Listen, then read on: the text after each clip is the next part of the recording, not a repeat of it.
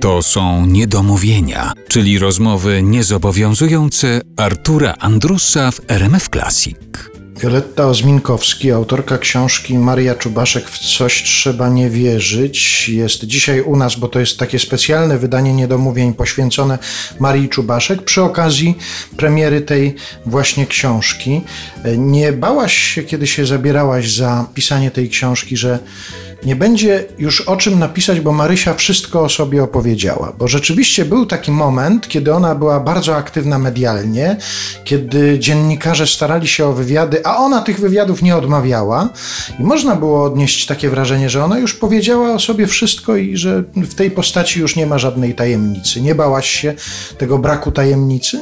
To znaczy, bałam się, ale wydawało mi się, no nie było tak dużo tych spotkań z Marysią, że miała, y, ja ten rys nazywam depresyjnym, ale broń Boże nie stawiam diagnozy i że z tego, co mi przynajmniej mówiła, e, to nie chodziło o jakieś takie y, rzeczy kompromitujące ją, czy wręcz przeciwnie, chodziło o taki rys, którego Marysia nigdy jednak nie zdradzała, nie opowiadała nikomu.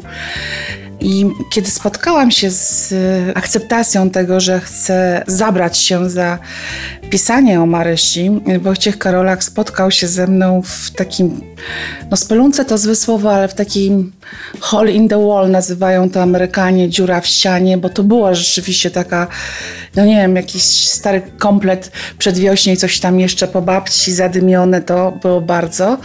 I co bardzo też jakoś tak przeszkadzało, e, szczególnie Wojtkowi, muzyka techno bardzo głośna. I ja dość, e, wydawało mi się jakoś tak długo i sercem opowiadała mu, co chcą napisać.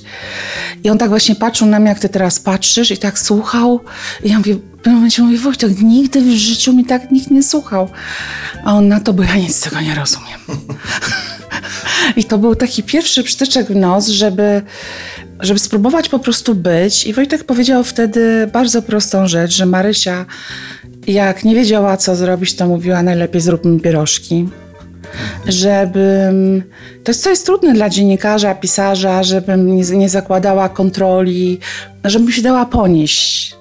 W momencie, kiedy się człowiek spróbuje nawet ponieść, to zaczyna słuchać drugiego człowieka, a Wojtka naprawdę było kogo słuchać i stąd taka forma i stąd to, co się nam wydarzało, bo gdzieś um, oboje daliśmy się e, ponieść. Czyli to Wojciech Karolak, mąż, jest głównym źródłem informacji, które zaważyło o takim kształcie tej książki i o tej treści?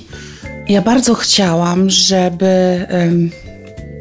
Nie wiem, czy mi wyszło, ale mam nadzieję, żeby opowiedzieć też, jak bardzo brakuje Marysi. Nie tylko w przestrzeni publicznej, ale wszyscy się odnosimy do tego, co by powiedziała dzisiaj, nie wiem, o zespole Tureta w polityce albo o y, morsowaniu. I bardzo chciałam też, ponieważ sama straciłam rodzinę i w tym czasie umierała moja mama, poruszyć takich y, no, kilka mitów na temat żałoby.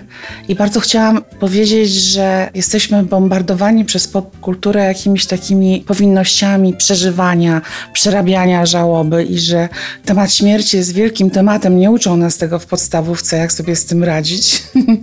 Raczej się o tym nie mówi. Ja nie mówię, że jest tabu, ale gdzieś. Um, Wojtek przeżywa tę żałobę po swojemu, ale chciałam też pokazać, że i to Wojtek bardzo ładnie pokazuje, że im dalej od śmierci, tym ci nieżywi bardziej z nami są, że może to zabrzmi banalnie, ale że my nie przestajemy ich kochać i nie przestajemy, co jest niesamowite, czuć ich miłości. No i to jest ta wielka tajemnica życia. Gdzieś chciałam to też, żeby ta Marysia odbiła się w tym lustrze Wojtka, ale nie, nie tylko Wojtek. Było o wiele więcej osób, które gdzieś mówiły mi, no co na przykład ich Marysi niepokoiło, albo co się działo, tylko jak zbudować ten portret. To ciekawe, że te kwestie żałoby i stosunku do śmierci omawiasz, posługując się życiem kogoś takiego, kto kojarzy się ludziom właśnie z czymś wręcz przeciwnym, z taką afirmacją życia, z wesołością, z radością.